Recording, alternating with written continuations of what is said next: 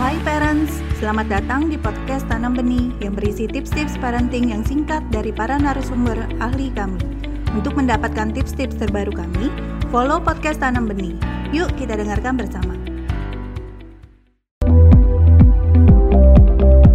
ya ini sekarang udah pubertas aku nggak pernah nih ngomongin sebelumnya gitu dan aku jadinya bingung mau ngomongin dan anak ini nggak mau ngomong ke siapa-siapa kan itu yang agak susah nah tipsnya sebenarnya adalah yang perlu orang tua tahu adalah kalau anak terkesan nggak mendengar itu sebenarnya mereka dengerin kok.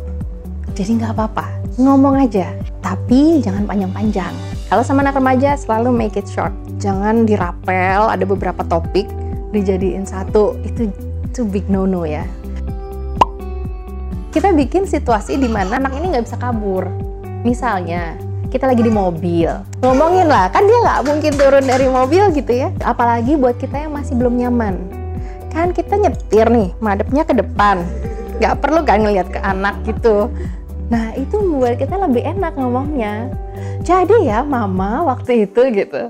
Uh, itu tips konkret maksudnya yang sederhana yang bisa kita lakukan kalau kita merasa nggak nyaman. Sebenarnya kalau memungkinkan lebih nyaman memang anak laki sama papanya, anak perempuan sama mamanya karena dia akan lebih enak ngomongnya. Dan ada kan susah juga ya kita misalnya bapak-bapak terus nanti anaknya ngomong, aduh aku kalau main kok sakit ya gitu. Kan bapaknya nggak tahu juga ya sakitnya kayak apa atau gimana gitu. Jadi agak susah memang.